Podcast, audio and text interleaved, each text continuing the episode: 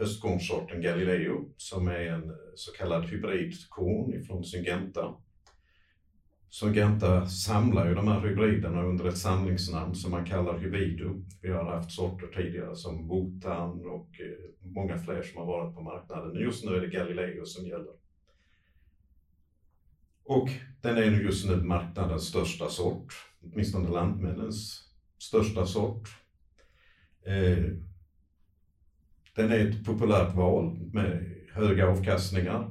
Den avkastar en, eh, mellan 5-10 procent mer än kontrollerna i de officiella försöken. Den odlas på ganska stor marknad även i Danmark och England. Eh, för hybridsorterna rekommenderar man ju en något lägre utsädesmängd. Man provar, eller man rekommenderar att man ska så 70 procent utsäde.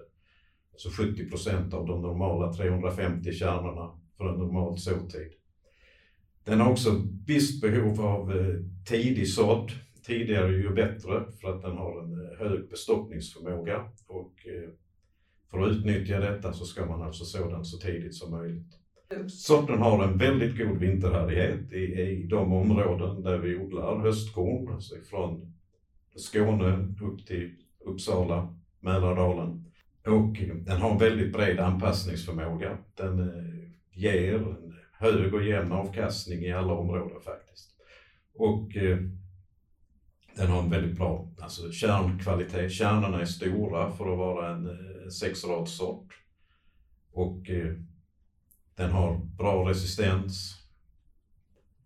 Och eh, den har då också, trots tidig såtid, så har den ett relativt brett eh, såfönster. Alltså man kan så den ganska sent. Men dock uppe i Mälardalen så ska det ju sås i slutet på augusti.